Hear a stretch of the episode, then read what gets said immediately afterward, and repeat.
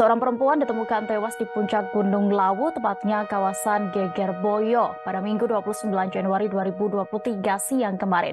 Setelah ditelusuri, identitas perempuan itu adalah Gati Ambarwati, berusia 31 tahun yang merupakan warga Rejo Mulyo, Karto Harjo, Kota Madiun, Jawa Timur. Jenazah Gati pertama kali ditemukan oleh dua orang penjual makanan di jalur pendakian Gunung Lawu, yakni Jarwo dan Agus. Nah, saya berusaha koordinasi, terus untuk langkah-langkah selanjutnya kan dipimpin langsung oleh Bapak Kapolsek. Terus saya hanya apa ya mengumpulkan rekan-rekan untuk proses evakuasinya kan gitu. Hmm. Untuk tim pertama saya terjunkan pada hari Minggu itu jam 5 sore.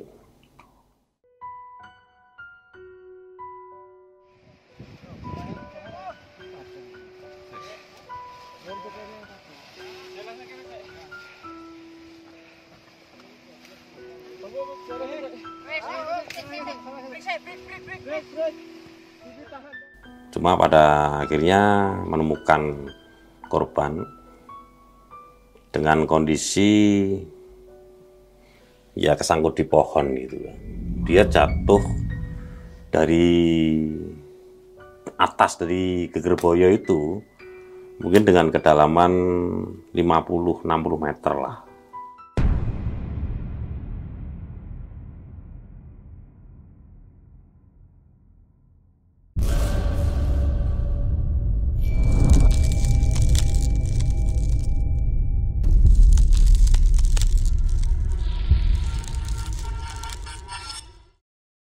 Assalamualaikum warahmatullahi wabarakatuh. Balik lagi di besok pagi. Kali ini bareng gue Bang Mange, pria gemoy tanpa bahan pengawet.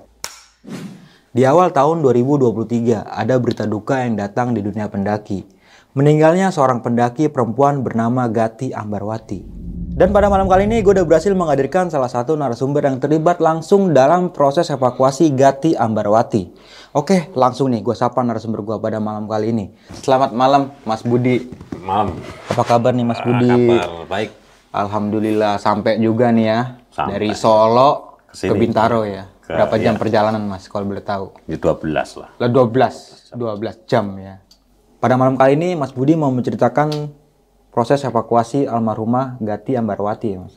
Nah kalau boleh tahu mas pada saat itu uh, Mas Budi sebagai posisi apa ya mas ya? Uh, waktu itu saya nggak nggak terlibat langsung naik untuk prosesnya ya. Okay. Cuma saya lebih mengkoordinir, hmm. mengkoordinir teman-teman lah. Karena dari awal dari awal laporan itu itu segera saya sikapi dan kejadian itu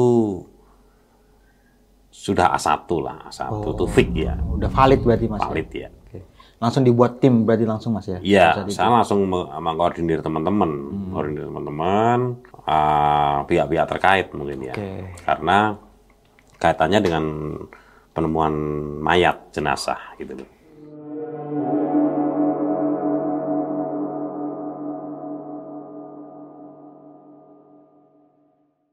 Dan sempat uh, Mas Budi membuat suatu ya. dokumentasi ya di YouTube-nya Mas Budi sendiri pada waktu itu. Ya, ya? itu, itu. Oke, untuk teman-teman yang pengen lihat dokumentarnya langsung ya, bisa langsung aja dikunjungi YouTube-nya Mas Budi. Itu tadi Budi 76 ya Mas ya? Iya, Budi ya, 76. Budi 76 kan, aku masih ingat pada itu. Karena rokoknya tujuh. Iya iya. Nah teman-teman semua udah pada penasaran nih apa yang bakal diceritain uh, sama Mas Budi pada malam kali ini. Namun sebelum kita masuk ke ceritanya, bagi teman-teman semua yang belum subscribe silahkan di subscribe terlebih dahulu, like, comment, and share. Jangan lupa nyalakan loncengnya agar teman-teman semua nggak ketinggalan video terbaru dari besok pagi. Jangan lupa di follow Instagram besok pagi karena di situ banyak banget informasi mengenai seputaran pendakian, sewa rental outdoor, atau bagi teman-teman yang pengen menjadi narasumber kayak Mas Budi pada malam kali ini bisa langsung aja di DM di Instagram besok pagi yang ada di sini nih. Mau nggak mau, suka nggak suka bahwa hal gaib itu ada di sekitar kita. Tanpa berlama-lama lagi, langsung aja kita masuk ke ceritanya.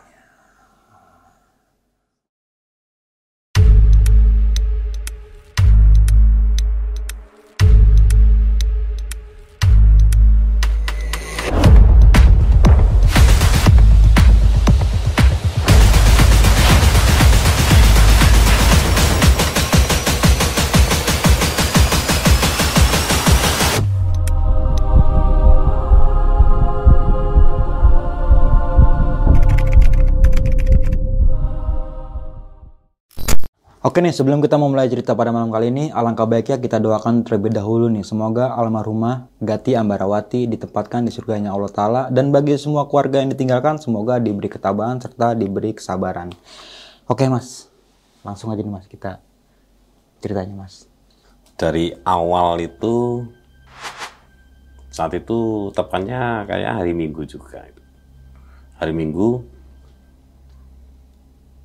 pada jam siang itu antara jam sekitar jam 2 lah. Tiba-tiba ada teman dari PGR atau Cemoro Sewu uh, datang ke Cemoro Kandang. Bertanya tentang sebuah identitas itu. Hmm. KTP atas nama Gati Ambarwati kan gitu. Dalam dalam hal itu saya belum belum belum tahu duduk permasalahannya seperti apa gitu.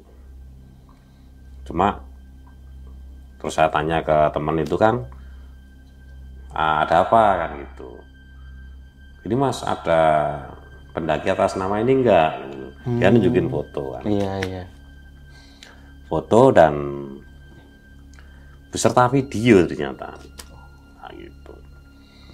Terus begitu saya langsung cross check pendaki yang via Cemoro Kandang saat itu kan ternyata atas nama itu nggak ada gitu loh hmm. terus tanya aku tanya ke, tem ke temanku itu ada apa teman menceritakan kalau ada informasi seperti ini ada kasus telah ditemukan uh, seorang pendaki yang uh, meninggal di jurang Gegerboyo oh. gitu.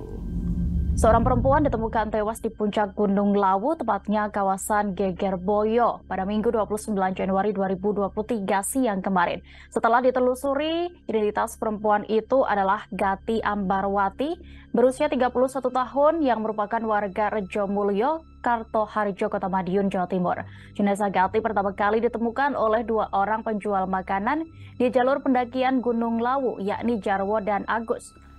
Pada saat itu, kita juga belum tahu kronologis yang sebenarnya sebenarnya seperti apa hmm, kan gitu. Baru cuma mendengar iya, aja gitu mendengar mas, laporan itu ah. kan. Pada akhirnya lanjut kita lanjut lah.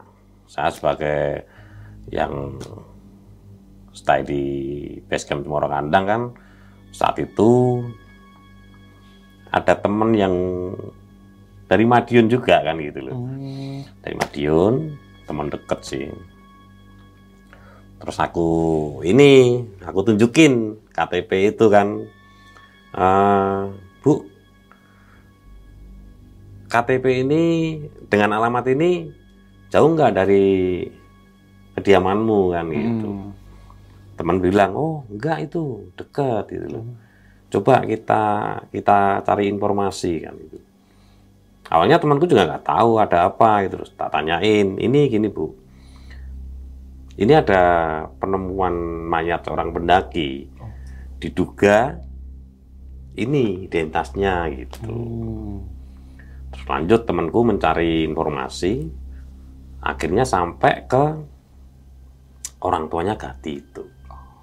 Gitu. Jadi dari dari info itu ya berusaha mencari tahu lah hmm. ketahuan RT-nya, iya. terus lanjut ke keluarganya gitu. Tapi saat itu juga kita juga belum belum belum fix juga bahwasanya jenazah itu itu Gati tersebut kan gitu loh karena hmm. dari statement orang tuanya itu mengatakan kalau Gati baik-baik saja kan gitu. Oh, okay. Cuma tak suruh tanya balik temanku coba dia kalau keluar rumah sejak kapan kan gitu. nah ternyata setelah dicari informasi betul memang sejak mulai hari Jumat itu ganti keluar rumah gitu. hmm, dan okay. itu pamitnya hanya ngambil laundry gitu. sama orang tuanya iya hanya pamit ngambil laundry ternyata dia ke Lawu gitu.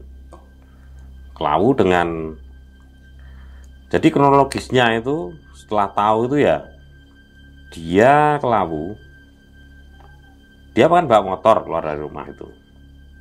Vario nah motor itu dititip, dititipin di terminal. Hmm. nah terus dia dari terminal Madiun tuh naik travel. Naik travel.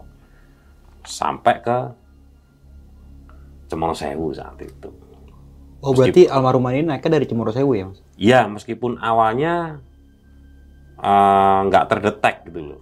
Ternyata Gati itu naik Cemoro Sewu itu tanpa registrasi. Oh ngelos gitu aja. Iya. Jadi ya udah nyelonong gitu aja. Hmm. Jadi nggak nggak ada nggak ada data atas nama itu. Hmm. Nah itu. Awalnya kita juga bingung, naik ini naik dari mana kan gitu. Setelah aku juga berusaha mencari tahu, ketemu.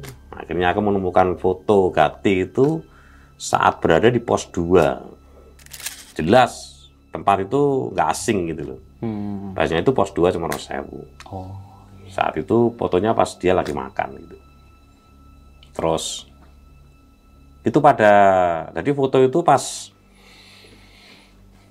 hari Sabtu itu. Jadi Kati itu naik itu Jumat sore. Dia nyelonong masuk gitu aja naik. Terus mungkin dia break atau tidur di pos 1 Hmm. paginya dia lanjut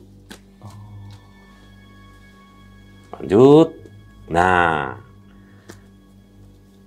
kena itu fotonya dia waktu di pos 2 itu aku juga dapat di beberapa sosial media kan Hmm. nah itu fix bahwasanya itu Gati naik via Cemoro Sewu nah, gitu. nah terus laporan laporan datang ke ke aku itu pada jam ya kisaran jam 2 lah kisaran jam 2 2 siang gitu Hmm. langsung kita sikapi kita koordinasi dengan rekan-rekan khususnya dengan kepolisian dengan teman-teman relawan yang lain saat itu TKP Gati Ambarwati itu masuk area Jawa Tengah gitu saya harus koordinasi dengan pihak eh, hukum Yang dari Jawa Tengah Jawa itu ya? Tengah. Oh iya. Nah, itu Kapolsek, kepolisian Tangmangu kan gitu. Nah, saya berusaha koordinasi, terus untuk langkah-langkah selanjutnya kan dipimpin langsung oleh Bapak Kapolsek. Terus saya hanya apa ya mengumpulkan rekan-rekan untuk proses evakuasinya kan gitu. Hmm. Untuk tim pertama saya terjunkan pada hari Minggu itu jam 5 sore. Jam 5 sore itu. Berapa tim?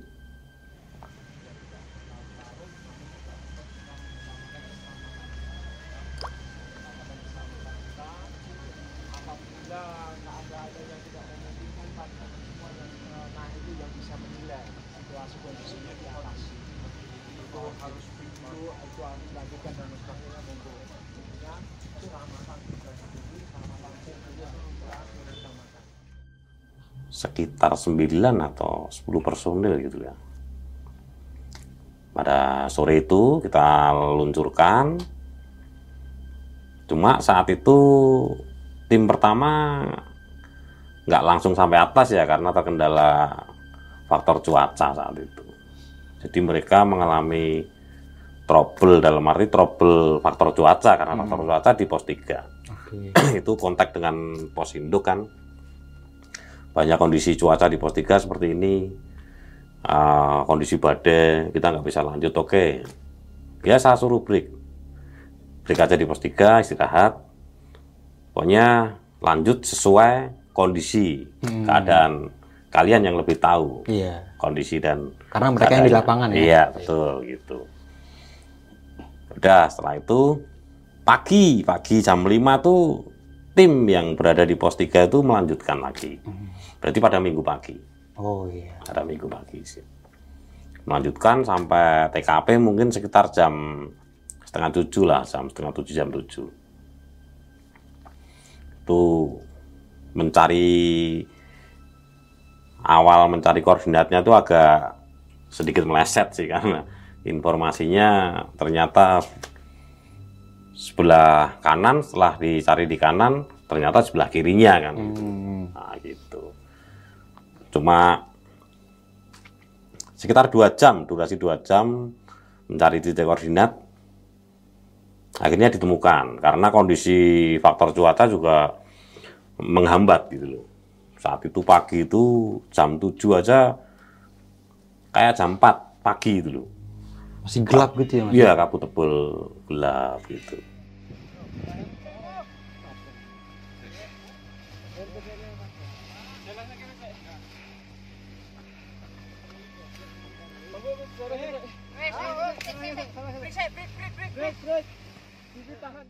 Cuma pada akhirnya menemukan korban dengan kondisi ya kesangkut di pohon gitu.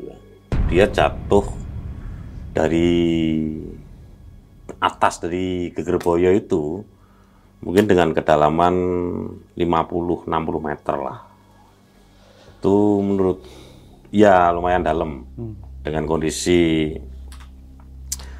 Ah, kondisi di TKP itu ya banyak bebatuan.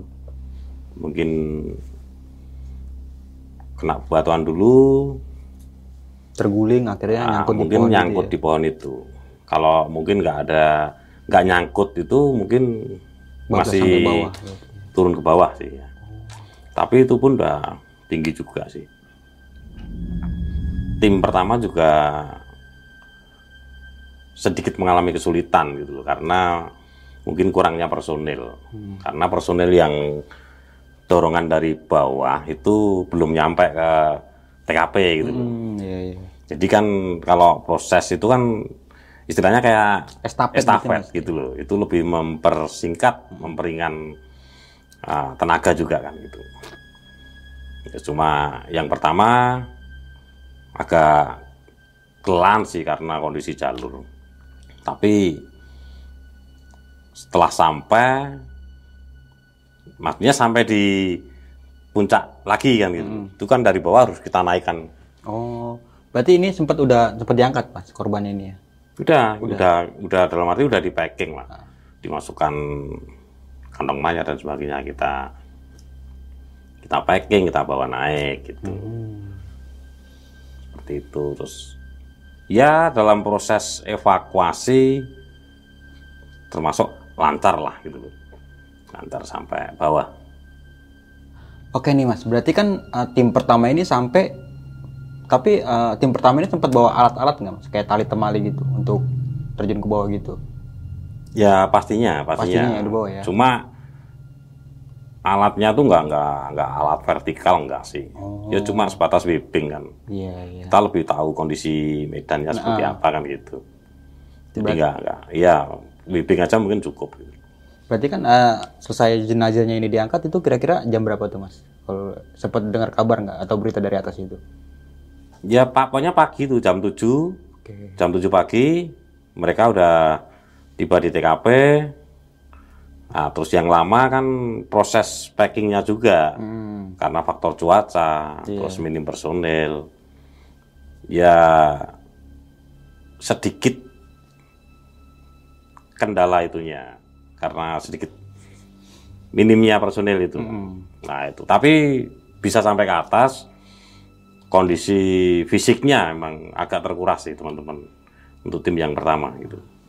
Berarti langsung dilanjut sama tim yang kedua nih buat bawa ke bawahnya mungkin Mas. Ya betul. Terus setelah itu kan turun, turun per- eh, perlahan lah, sesantai mungkin sampai ketemu dengan tim dorongan yang lain. Gitu. Oh, kira staf gantian berarti ya? Ya itu terus, terus ya. Jadi dari bawah juga kita dorong personil terus, jadi buat tambahan tenaga kan gitu. Hmm. Kalau prosesnya seperti itu. Tapi kan awal titik eh, penemuan titik koordinat akhir dari korban ini sempat udah diketahui dari awal Mas berarti ya?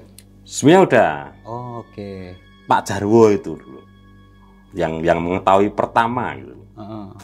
mengetahui pertama dan mengcross check yang pertama kali itu itu Pak Jarwo dan rekan-rekan warung nah itu nah saat evakuasi Pak Jarwo kan nggak nggak terlibat gitu loh.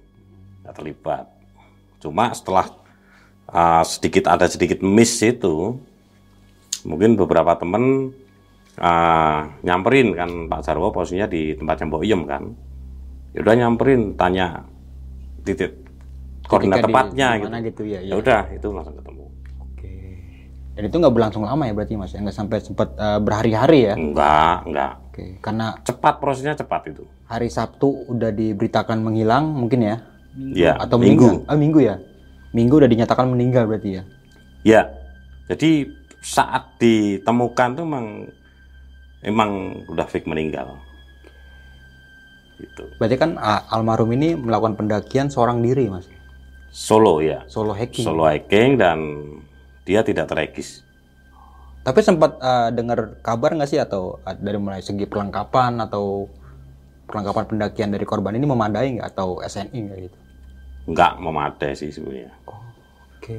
nggak rekomendasi. Heeh. Ya karena ya itu tadi karena ilegal, tadi lepas dari pantauan. Gitu. Sempat dengar-dengar berita nggak dari pihak keluarga dia itu naik gunung sendiri karena apa gitu? Ya kalau itu kalau statement dari orang tuanya ya. Kalau statement dari orang tuanya Gat itu belum pernah mendaki. Oke. Kakaknya itu beberapa kali. Kakaknya dan bapaknya ayahnya sendiri itu beberapa kali mendaki sih. Hmm. Cuma Gati itu memang belum pernah. Itu statement dari ayahnya. Nah, gitu. Dan itu sebenarnya pamitnya juga nggak mendaki. Pamitnya itu hanya laundry tadi laundry, ya. Nah, itu. Tiba-tiba entah itu ada ya kayak mungkin panggilan gaib lah seperti itu Panggilan gaib. di situ ya. Dan di, di situ juga ada kalau aku cross check ya kan, aku cross check beberapa mungkin pendaki yang berjumpa dengan Gati saat di puncak itu, itu pendaki dari Jogja. Oh, oh berarti eh, pendaki ini sempat bertemu ya sama Agati Sempat ini. bertemu, sempat foto-foto bareng. Oh. Dalam arti saat pendaki Jogja itu foto, foto-foto di puncak, Gati ini terkena gitu loh. Oh, secara nggak langsung berarti ya? Iya. Kayak nggak sengaja gitu ya? Iya terkena. Oke. Semua fotonya ada. Dan di foto itu ya kalau aku lihat udah kosong sih pandangannya. Dan pendaki Jogja itu juga sempat kaget sih waktu sampai base camp. Wah, kita ngobrol, aku tanyain gitu. Nah, tiba-tiba dia penasaran, yang mana ya mas gitu loh. Ah, mereka mengeluarkan HP. Dia mengeluarkan foto-foto gitu loh. Hmm, di slide-slide gitu dilihat ya. Ah, Apakah ini tadi ada cewek ke, ke foto di HP kita, Mas? Terus, Oke. ya ini benar, tak gituin. Wah, kaget mereka. Wah, ini gitu loh. Terus ah, aku tanya, gimana tadi ketemu perempuan ini di puncak? Dia lebih banyak diem sih, Mas, gitu. Dia tanya ke kita, awalnya malah tanya ke kita. Dari mana itu? Dari Jogja. Setelah kita tanya balik, jadi nggak ada respon gitu Oh. nggak ada respon seperti itu dan ada salah satu pendaki Jogja itu ini mungkin sedikit kejanggalan ya Hmm. dari pendaki Jogja itu kayaknya jumlahnya sekitar 16 itu 16 atau berapa itu ya.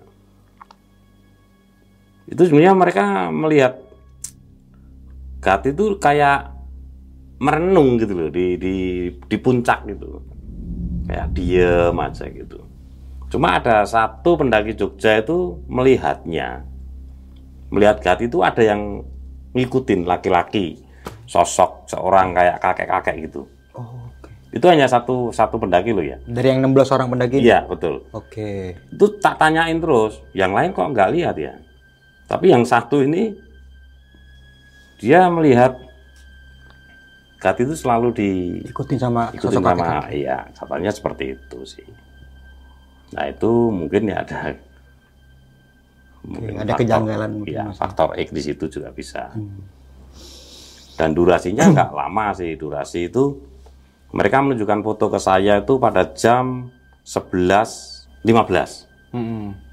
foto-foto anak-anak Jogja itu itu berfoto pada jam 11.15 sampai jam 11.20-an lah. Terus tatanya, kalian turun jam berapa dari dari puncak? Mereka turun pada jam 12 tepat. Saat turun, saat turun dari puncak, apakah Gati itu masih di situ? Masih katanya. Gitu. Jadi saat pendaki Jogja itu turun dari puncak jam 12.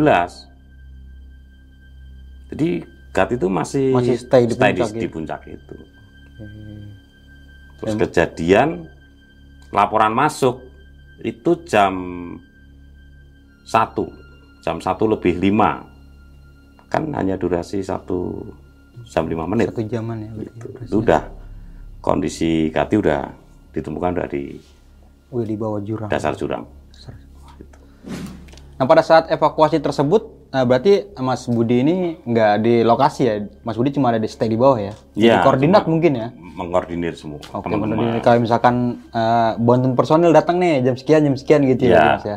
Gitu Dan terjun langsung berarti teman-teman Mas Budi di sana gitu. Iya. Relawan yang lain ya. relawan ya banyak relawan Oke. khususnya Karanganyar kan banyak Oke, nah dari pas sempat di- dari pengangkatan korban ini itu durasinya lama nggak mas?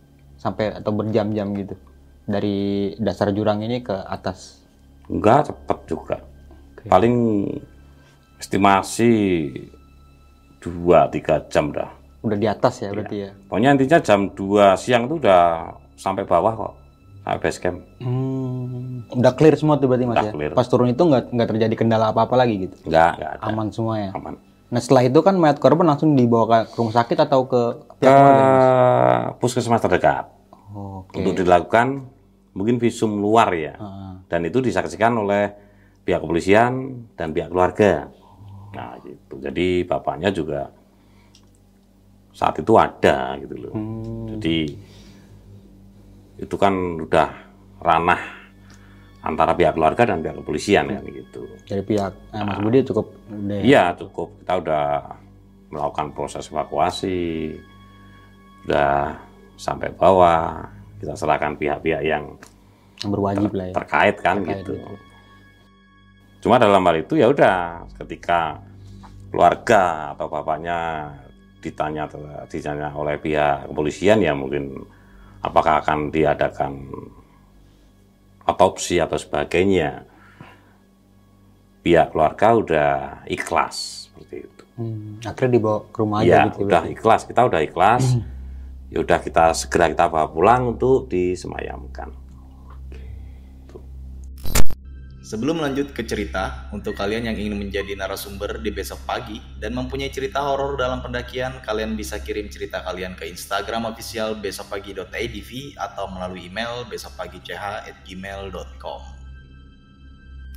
Pada saat proses evakuasi, eh, pada saat proses evakuasi almarhumah Gati Ambarwati ini, eh, gunung itu tetap dibuka atau ditutup, Mas? Kalau laut tuh sebenarnya meskipun ada proses, itu hanya di break aja, di break Oh, Oke. selama proses evakuasi itu Sampai berlangsung. turun baru boleh Ya. ini lagi ya. sampai proses evakuasi itu berlangsung. Oke. Setelah clear, udah, Baru boleh lagi gitu. ya langsung dibuka. Berarti nggak ada kayak istilah ditutup dulu nih buat sementara Nggak. gitu, nggak ada ya. Nggak ada. Almarhumah ini kan bisa kita katakan lewat jalur Cemorosewu Mas ya. Ya betul. Nah, pada saat itu mungkin, mungkin ya Mas ya, eh, nggak terkontrol atau gimana nih? Kok bisa lewat secara ngelos gitu nih? Atau dari pihak base campnya kurang penjagaan atau gimana Mas? Pada saat itu ya? Ya kemungkinan seperti itu. Jadi mungkin karena mungkin area Cemoro Sewu Cemoro Kandang itu menjadi objek wisata ya. Jadi betul-betul di sana juga aksesnya aksesnya sangat dekat dengan jalan. Mm-mm. Nah makanya banyak wisata yang ke situ gitu loh. Entah hanya sekedar bermain atau camping Hmm. atau bahkan hanya jalan-jalan. Kayak- nyaru berarti Mas ya. Pada saat itu kan eh, almarhumah ini kan nggak bawa ransel yang biasanya semestinya para pendaki mungkin ya kayak bawa tas gede gitu. Betul ya. Mungkin karena kayak bawa tas biasa mungkin ngelos gitu ya. Mungkin cuma Ya buat wisata sampai pos 1 atau pos 2 gitu mungkin. Ya kalau tas sih sebenarnya bawa, tapi Oke. itu malah malah bawaan tasnya tiga itu malah. Oh. Jadi belakang depan Mm-mm. sama tas kecil gitu. Tuh, cuma tasnya juga nggak begitu besar banget Oh sih. kayak daypack mungkin gitu Mas ya. Ya, Ukuran tas, 45 ya, 50. tas, ah, Tapi pas eh, 30 liter gitulah. diangkat almarhumah ini sempat ada barang-barang atau benda-benda yang sempat keangkut juga nggak Mas? Kayak misalkan tas itu isinya ada apa aja gitu. Ya untuk tas malah dikondisikan turun lebih dulu itu. Hmm. Itu ya untuk apa ya yang mengetahui pertama Jarwo dan teman-temannya itu orang-orang warung lah. Iya. Nah itu tasnya justru ke bawah awal di saat awal gitu loh. Hmm. Turun terus diserahkan ke pos. Saat itu memang aku yang tas itu. Cuma aku nggak berani buka-buka. ngebuka. Iya Oke. tuh udah beda ranah gitu loh. Aku menunggu pihak berwajib. Nah setelah mungkin ada pihak saat itu ada malam itu ada pihak kepolisian kan. Terus aku serahkan gitu loh. Aku serahkan dan polisi saat itu ya dibuka di situ, dibuka di situ dan di dalam tas tuh nggak ada perlengkapan pendakian yang safety. Gitu. Dan banyak barang-barang baru sih kayak sepatu itu emang baru beli dia Hmm. sepatu ianya itu sih kayak sepatu pakaian beberapa Dan nggak nggak sempat bawa tenda gitu atau yang lain-lain. Enggak tenda sleeping bag nggak ada ya emang betul-betul sangat tidak rekomendasi alat-alat seperti itu Tadi kan di awal cerita eh, Mas Budi sempat eh, bilang ya kalau yang menemukan pertama kali ini eh, Pak Jarwo ya. Nah, kalau boleh tahu Pak Jarwo ini siapa sih Mas Budi? Pak Jarwo itu dia biasa stay di atas sih di Argo Dalam dia terkadang membantu Mbok Yem Oh. tuh, di warung Di warung berarti ya. Ya. Oke. dan Jarwo itu juga apa ya istilahnya di di sana itu juga tugasnya emang memantau memantau jadi diserai oleh perhutani lah Hmm, buat jadi memantau lingkungan kondisi gitu ya. situasi dan kondisi di Di area area, gunung itu berarti. Oke. saat menemukan itu saya juga kurang tahu kronologinya seperti apa karena ah, tiba-tiba Jarwo jadi saat teman-teman PGL itu datang ke Cemoro Kadang untuk koordinasi dengan saya itu teman PGL itu udah menunjukkan sebuah video kan gitu. Foto KTP Heeh. dengan video saat Jarwo itu menemukan awal. Dan itu hanya ya hanya sebatas dia belum belum menyentuh korban sih. Mm-mm. cuma hanya hanya mengcross check sebenarnya mereka hanya mencari identitas da- dan ketemu KTP tersebut gitu. Hanya memastikan Lokasi terjatuhnya almarhumah Gati Ambarwati ini sama nggak sih mas sama eh, yang dulu sempat viral tuh yang video Andi yang tempat bawa-bawa kayu itu mas? iya di di di lokasi yang sama Oh di jurang yang sama berarti? iya di lokasi yang sama dan ya cuma selisih berapa meter aja cuma lebih dalam Gati ini Hmm. Kalau Andi itu uh, itu juga nyangkut juga sebenarnya. Cuma nggak nggak nggak masuk ke dalam. Heeh. Cuma kalau dari dari atas itu masih sangat terlihat kalau Andi itu. Oh berarti lebih pendek ya jurangnya? Ya kalau lebih nggak Lebih- masuk. Oke. Cuma kalau yang semakin ke barat tempat Gati itu langsung blanknya langsung gini gitu loh. Oh, Kalau yang Andi itu agak ada gininya. oh, agak datarnya sedikit ya? Ya ada gini. Agak turun. Ya pokoknya gini lah, nggak langsung sem- 90 derajat gitu. Hmm. Jadi agak gini langsung gini. Lah itu mungkin kemungkinan saat Andi itu nyangkut dulu.